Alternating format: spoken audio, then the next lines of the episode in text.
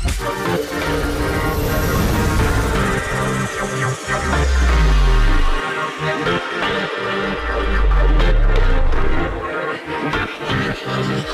time, storyteller aku hari ini seorang artis yang dari awal banget karya berada di MD. Aku kenal dia dari umur 14 tahun sampai sekarang pastinya tetap humble, tetap nice, tetap good dalam segala hal. Siapakah dia? Denira. Hai. Hai Kak Sanjay. Apa kabar? Baik, I'm good. Thank you, Senang De. banget. Sudah datang Yes. jauh-jauh. Terima kasih banget mau support saya. Sama-sama, senang banget di invite loh Kak. Terima kasih. De lagi sibuk apa deh sekarang? Insya Allah sekarang lagi persiapan untuk next project nih dan Insya Allah ba- bakal balik lagi ke sinetron. Oh gitu. Yes, tapi Finally. Insya Allah semoga semuanya lancar. Habis lebaran. Iya habis lebaran sih rencananya. Karir kamu pertama, Dek. Mm-mm. Itu kan kamu pertama masuk MD. Debut kamu masuk MD itu umur 14. Iya umur 4 ya 13 14. 13 14. Apa yang membuat kamu mau masuk ke dunia entertain? Em, awalnya itu sejujurnya ya ini aku eh, jarang cerita ke mana-mana nih kak, cuma di podcast Kak Sanja Oke. ya. Jadi, jadi awalnya itu dulu kan aku gemuk banget kak, aku overweight. Jadi aku sama sekali eh, nggak ada keinginan awalnya untuk masuk ke dunia entertain karena aku em, pertama aku nggak punya percaya diri dan kedua aku juga link aku juga nggak ada mama juga dulu dulu mama eh, penyanyi juga cuman aku nggak ada kepikiran untuk masuk situ dan dulu juga aku sempat jadi korban bully gitu dan setelah itu aku em, turun berat badan karena satu dan lain hal. Setelah itu aku diajakin mama untuk kayak eh, ikut lomba yuk kita eh, modeling gitu. Cuman catwalk gitu doang. Terus aku bilang nggak dia mah aku nggak pede dan aku juga nggak ada skill di permodelingan dan segala macamnya gitu. Sampai akhirnya eh, kita coba daftar itu Hamin kalau nggak salah Hamin 5 deh. Hamin 5 aku eh, daftar ke modeling itu perlombaan terus bikin baju segala macem. Baju tuh bikin dua kalau nggak salah. Terus belum ada desainer belum ada stylish dan lain-lain gitu. Bener-bener aku sama mama baru yang kayak mulai dari awal. Terus udah gitu daftarlah. Setelah itu kayak em, aku dengan kepedean aku yang masih nol terus kita belajar catwalk aku belajar cara ngomong per- memperkenalkan diri gimana terus cara jalannya kayak gimana sampai aku pertama kali itu pakai heels di momen itu. Oh gitu. pakai heels gitu karena itu umur 14 tahun aku bener-bener yang kayak baru mem- baru membuka diri untuk kayak dunia luar gitu loh kak. Kayak misalkan eh, modeling eh, apa namanya ketemu sama orang banyak gitu. Sampai akhirnya udah tuh hari H terus udah gitu aku mm, pengennya sih juara tiga juara dua itu enggak tuh nggak dapat. Karena kayak menurut aku ini semua di, di samping aku tuh udah senior semua dan itu udah berpengalaman udah yang kayak model yang tinggi-tinggi itu Iya. kayak yang bener-bener udah badannya udah profesional banget gitu. Dan sampai akhirnya juara tiga oh aku nggak menang juara dua nggak menang juga. Ya udah deh aku bilang eh, yang penting pengalaman aja. Sampai akhirnya juara satu kayak aku ditarik. Jadi aku pakai nomor gitu di Iya. sini terus kayak ditarik Denira gitu nomor kalau nggak salah aku nomor 37 atau 07 gitu. Aku ditarik terus aku kayak itu aku shaking banget sampai aku nggak tahu mau ngapain gitu. Karena ternyata aku juara satu di situ dari situ aku udah kayak em, terima kasih Tuhan. Itu emang benar-benar mukjizat dari Tuhan banget untuk ngerubah em, apa namanya Jalan kamu. aku untuk ke depannya gitu. Kalau misalkan nggak ada momen kayak gitu mungkin aku belum mempunyai kepercayaan diri seperti ini sekarang. Terus aku juga nggak punya pengalaman hidup eh, yang luar biasa gitu kan dan akhirnya dari situ aku mulai deh masuk sama eh, KMD dan waktu itu aku inget banget sama Mas Iman sih Awalnya kamu datang ke MD itu keinginan kamu sendiri untuk casting atau gimana? eh awalnya itu emang aku mau Aku mau. jadi ya. awalnya kan emang emang nggak ada nggak ada PD sama sekali dong kak maksudnya aku kayak aku nggak ngerti entertain tuh bagaimana gitu sampai akhirnya aku diundang untuk casting terus aku belajar aku nonton aku belajar untuk gimana caranya memperkenalkan diri dan segala macamnya akhirnya aku datang pengen aku pengen untuk berkembang dan ternyata passion aku di situ Dan gitu. langsung kamu dapat. yes langsung alhamdulillah Judul pertama kamu apa inget nggak? eh badai deh kalau Badai ya. sama kak Anggika Angika dan Adli ya Iya, cuman cuman itu bukan belum peran yang ini karena aku masih belajar Iya, kan. Jadi hmm. aku kayak baru satu satu episodean gitu. Dan aku kayak itu juga udah eh, deg-degan banget nah dulu. gimana tuh awalnya kamu kan basicnya no acting Mm, mm, mm, begitu kamu masuk apa yang kamu tadi bilang ketemu Anggika ketemu Adli virus mm, mm. ada rasa ketakutan rasa canggung rasa nervous semuanya Eh, nervous sih pasti ya. Maksudnya kayak aku nggak tahu lokasi syuting kayak gimana, jam kerjanya kayak gimana, terus mm, cara berkomunikasi saat di set kayak gimana sama sutradara, ceritanya, ngafalin dialognya gitu. Kayak aku deg-degan pasti tapi untungnya ada mama sama papa yang support aku untuk untuk eh, terus belajar terus eh, improve skill aku gitu. Dan di set juga aku di welcome banget sama Kak Anggika sama Kak Adli Virus. Jadi kayak dia nanti gini ya aku satu scene sama Kak Adli deh kalau nggak salah waktu itu pertama kali. Terus kayak dia nanti gini ya nanti kamu gini aja. Aku nggak tahu blocking kan kak? Ya sama sekali kayak eh, nanti kamu mm, kalau aku habis kayak gini kamu baru eh, baru, baru habis itu acting ya gitu. Pokoknya banyak belajar banget di set sih sama senior senior yang udah dari duluan. satu sinetron melanjut ke sinetron berikutnya lanjut ke sinetron berikutnya akhirnya masuklah film pertama juga mungkin Dub Smash ya? Mm-mm, film pertama. film pertama nah aku. pengalaman kamu dari sinetron terus kamu mencoba film itu seperti apa?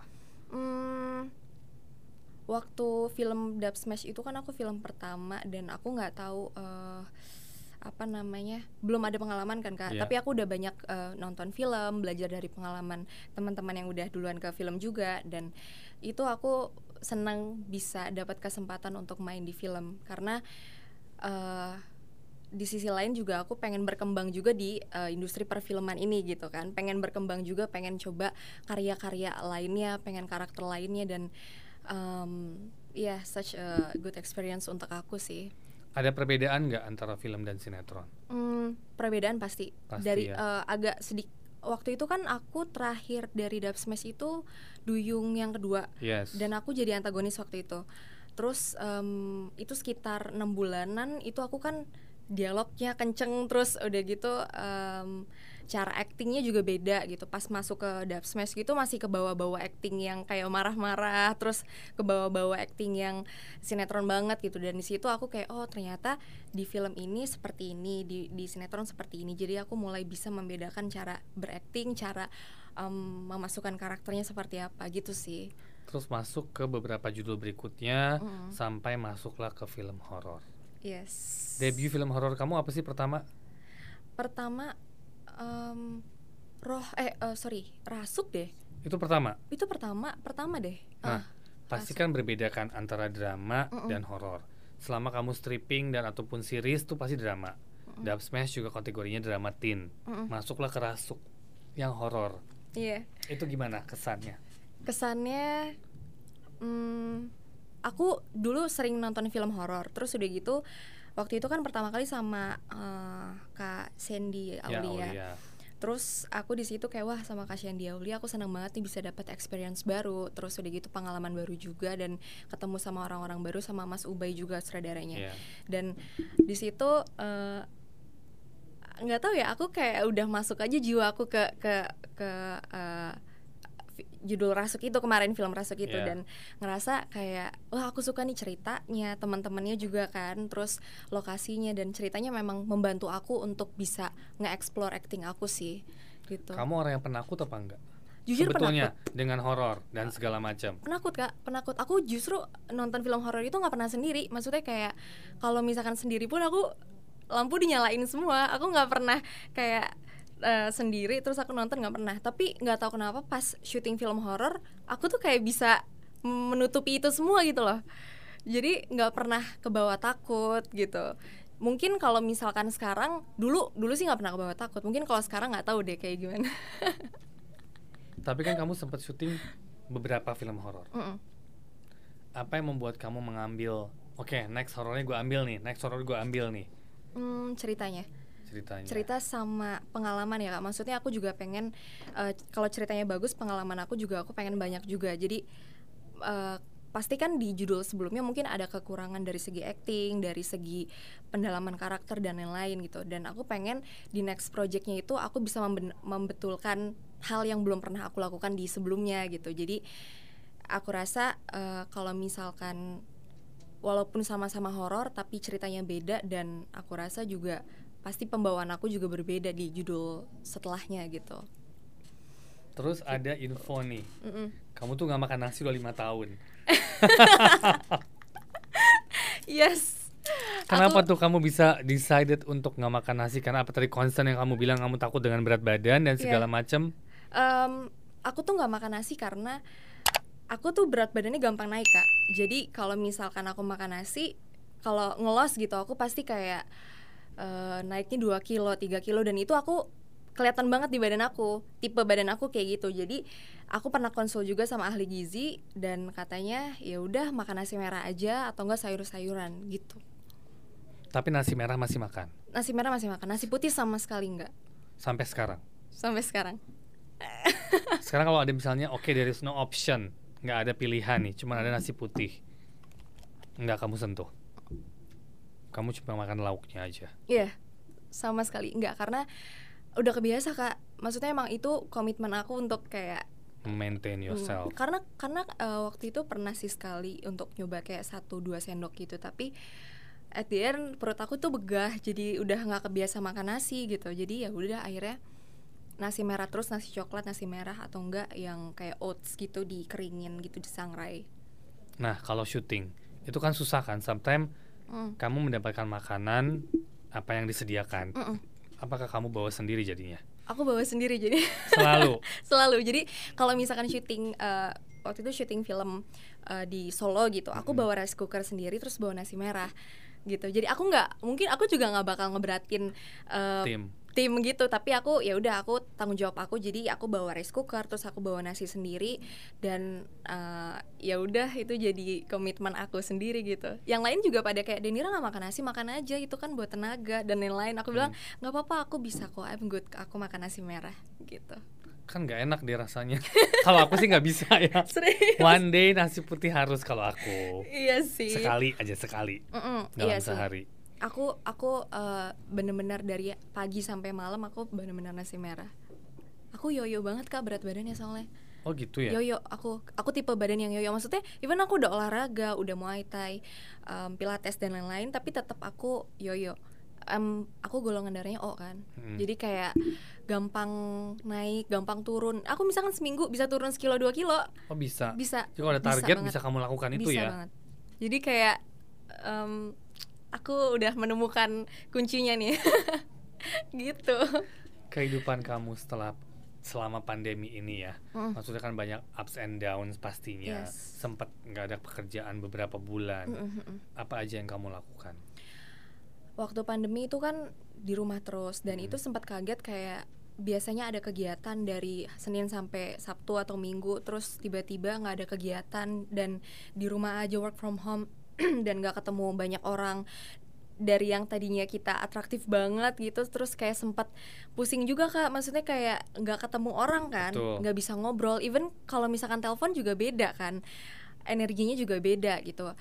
Tapi untungnya aku kuliah juga terus udah gitu aku ada beberapa uh, endorse dari rumah. Jadi seenggaknya ada kegiatan yang aku bisa lakukan baca buku dan ya paling itu sih kuliah yang benar-benar ngebantu aku banget ya karena dunia entertain kita kan berhubungan banyak dengan banyak orang Bener. selalu ya dengan adanya pandemi ini kita semua lebih membatasi iya. pastinya kan jadi emang lumayan lumayan buat aku juga shocking sih iya. yang tadinya hanging sana hanging uh. around karena apalagi saya kan butuh banget sosialisasi yes. dan sekarang penuh dengan ketakutan jujur aja tapi ya hopefully soon overcome ya. Iya, nah semoga. ke depannya nih kamu punya project-project apa mungkin yang belum kamu kerjakan, um, yang pengen kamu kerjakan? Yes, aku ada film aku horor juga yang belum tayang. Itu sekitar udah setahunan lebihan deh, kayaknya belum tayang juga karena um, kendalanya bioskop belum buka juga. Ya. Terus udah gitu uh, sekarang insya Allah aku mau balik ke stripping lagi dan semoga lancar deh gitu. Yes, didoain deh. Yes.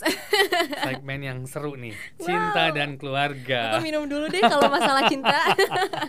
Kamu tuh perempuan yang gimana sih dek? Hmm, aku. Iya. Dalam hal apa? Secara personal. Secara personal. Iya. Sejujurnya aku uh, introvert.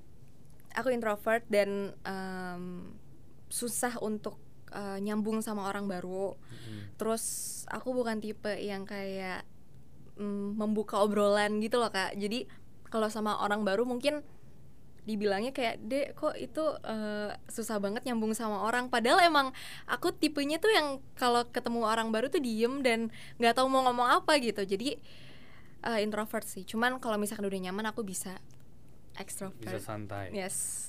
Bagaimana gitu. kamu memandang cinta? Wow. Uh, dalam ya. Berat ya berat ya. Berat ya. Ini hello story ini ya. Agak berat ya pertanyaannya. Harus bijak apa enggak nih kak? Terserah bebas.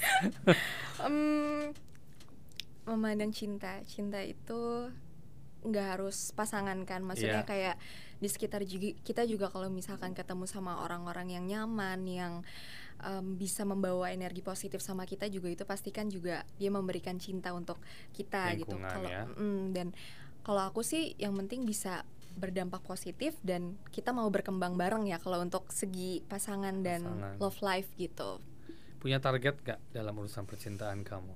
Hmm, enggak sih. Sekarang umur berapa, Dek? 21. Oh, masih muda. Masih muda. Masih panjang yeah. karirnya. Udah punya pacar belum? Wow. oh, Dalam ya. Ada mama nih di sini. Gimana ya? ya saling support ada dan uh, saling mau berkembang bareng sih, Kak gitu. Dari keluarga gimana nih dek kalau urusan percintaan? Apakah ada restriction dari mama nih? Nggak wow. boleh gini, nggak boleh gini, nggak boleh gini, harus yang begini. Ada nggak? Atau mama memberikan kebebasan karena kamu masih muda? You need to mm. explore. Kamu harus bertemu banyak orang untuk lebih mengenal. Biasanya kan yes. kan seperti itu. Uh -uh. Apakah ada banyak uh, do and don'ts-nya dari mm. keluarga? Pasti Kal seorang ibu pasti loh yeah. memprotek anaknya. Tapi yes. menurut kamu itu baik atau gimana? Um, aku anak tunggal yeah. jadi pasti do and don'ts-nya ada juga gitu. Betul. gitu tapi emang kemauan aku juga gitu kalau misalkan masalah pasangan sih sejauh ini nggak ribet ya maksudnya aku uh, masih muda juga jadi aku tahu mungkin apa yang aku butuhkan untuk di masa depan dan santai eh, santai-santai aja sih sejauh ini cuman aku tahu emang uh, ke depannya aku butuh yang seperti apa sih gitu mak kalau mama sih santai aja sih sama lumayan santai ya? lumayan santai sih cuman ya do and don'ts-nya pasti udah aku udah satu pemikiran lah sama aku kurang lebihnya kan gitu. sekarang banyak nih mungkin uh, anak lah yang udah cinta tuh kan lupa dengan semuanya. Nggak mikirin keluarga nggak mikirin lingkungan ya pokoknya gue suka that's it banyak lah. Maksudnya bukan cuma di dunia entertain ya in, in real life yes. itu banyak. What do you think dengan hal, -hal seperti itu? Um, apalagi kamu anak tunggal loh maksudnya yeah. kan kamu lebih mungkin you have only you and your parents. Yes, yes kan? Aku um, menurut aku balik lagi ke orangnya masing-masing sih kak kalau aku sih keluarga berarti banget untuk aku ya apalagi kan aku juga karir aku pendidikan aku juga kan di supportnya sama mama. Mungkin kalau aku punya adik mungkin dekatnya sama adik. Yeah. cerita everything sama mama karena daily daily life-nya sama mama Betul. gitu kan. Maksudnya kayak diantar uh, di syuting dan um, semuanya sih sama mama gitu. Kalau aku pribadi sih mungkin aku akan aku, uh, gimana ya?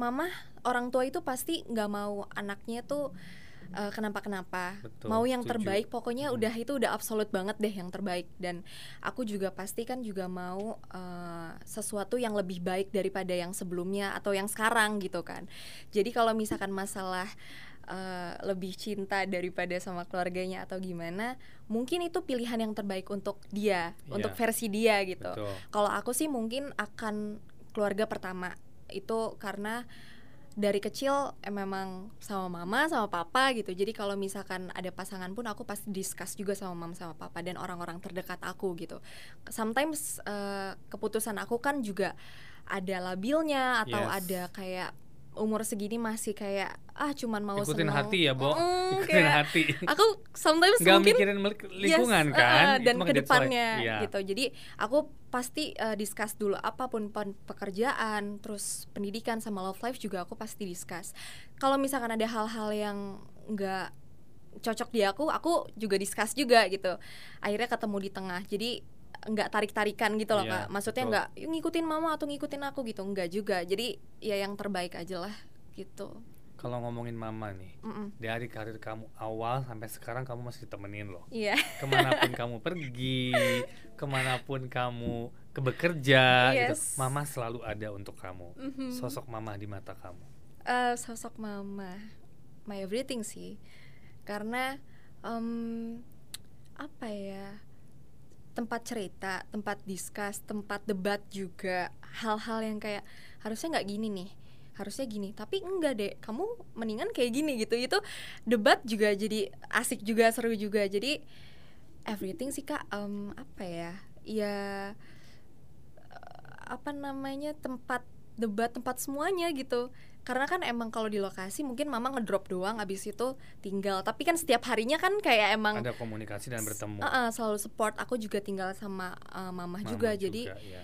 uh, dari A sampai Z mama tahu dan perkembangan aku secara emosional secara psikis dan fisik juga mama tahu gitu. Gitu sih. Ada nggak uh, sometimes? Aku pengen sendiri nih. Aku bosen. Ada.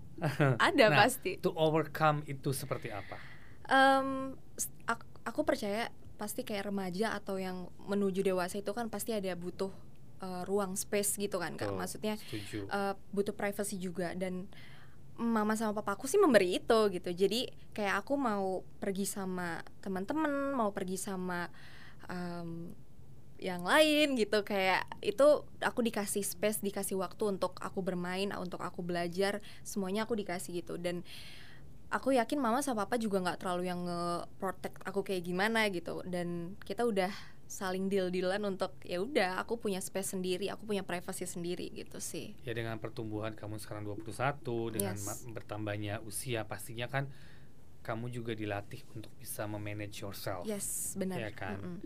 Mama itu kan sosok sebagai manajer kamu juga kan Yes, sekarang. uh-uh. Dalam setiap pekerjaan mungkin waktu kamu masih 13 14 tahun, mama lebih menentukan. Yes Ini bagus buat kamu kita ambil, ini Mm-mm. enggak kita nggak ambil. Mm-mm. Nah, kalau sekarang sistemnya seperti apa? Dengan kamu lebih dewasa. sekarang sistemnya eh, asik sistem Heeh. kalau aku sih sekarang eh, aku tahu nanti ke depannya aku pengennya ke arahnya ke mana dan eh, maunya seperti apa jadi kita discuss aku mah aku pengennya kayak gini kayak gini A B C D F G H I J K. Terus kayak mama oke ya udah. Terus kadang aku suka bingung ini gimana ya enaknya? Terus mama eh, ya udah berarti kalau kayak gini mendingan kayak gini.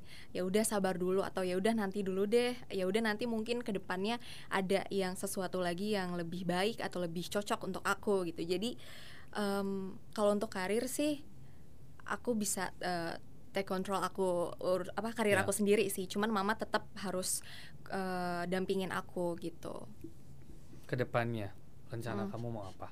Apa yang kamu belum capai di dunia entertain ini? Hmm, yang belum capai aku pengen dapat film action sih kak karena dari dulu ketakutan aku aku action karena dulu pernah dapat FTV yang action gitu terus aku bawa motor terus tabrakan gitu Oke. dari situ aku kayak "Eh, aku nggak mau aku nggak mau dulu deh ngambil film action karena aku pikir kayak kayaknya fisik aku eh, belum terlalu kuat untuk kayak yang fighting yang berat-berat yang koreo yang heboh gitu gitu tapi aku mau challenge diri aku kayak kayaknya aku harus challenge diri aku untuk bisa ambil tantangan itu deh gitu. Siapa tahu ada kesempatan dan aku em, bisa nge-explore dan berkembang kan gitu. Kalau untuk personal, apa yang kamu ingin capai ke depannya? jadi lebih dewasa dan lebih bisa memilah-milah lagi mana yang baik dan buruk dan hmm, apa ya? Ya lebih dewasa sih pasti lebih, sabar dewasa, lagi Lebih sabar lagi ya. Mm-mm. As a karir aku lihat kamu sih kamu banyak improvement, banyak kemajuan ya. amin Uh, sukses buat kamu ke depannya pastinya. Semoga kita juga bisa bekerja sama lagi dalam waktu Amin, dekat ya. amin, It's been amin. so long gitu Yes, kan. banyak udah lama think banget Sekarang aku minta mungkin pesan sedikit dari kamu sebagai storyteller kita. Mm-mm. Hmm, apa ya? Paling eh, nggak ada hasil yang mengkhianati usaha sih kak. Karena komitmen, kerja keras, sama niat dari hati kita, dari diri kita sendiri itu nggak bakalan em, apa mengkhianati gitu loh. Jadi apa pun yang kita niatin, yang kita komitmenin itu pasti membuahkan hasil. Oke. Gitu. Thank you so much. Thank Hari you. ini bersama Denira, saya amazed loh dari uh, umur 14 tahun saya kenal dia dan sekarang sudah sebesar ini, sudah secantik ini dan cantik dari dulu sih Wow, dan sudah thank jago you. banget ngomongnya sekarang. Thank you so much. Thank you. Jangan lupa subscribe, comment and like Hello Story bersama Denira. Thank you, Dek. Thank, you, so Kak, much. for inviting.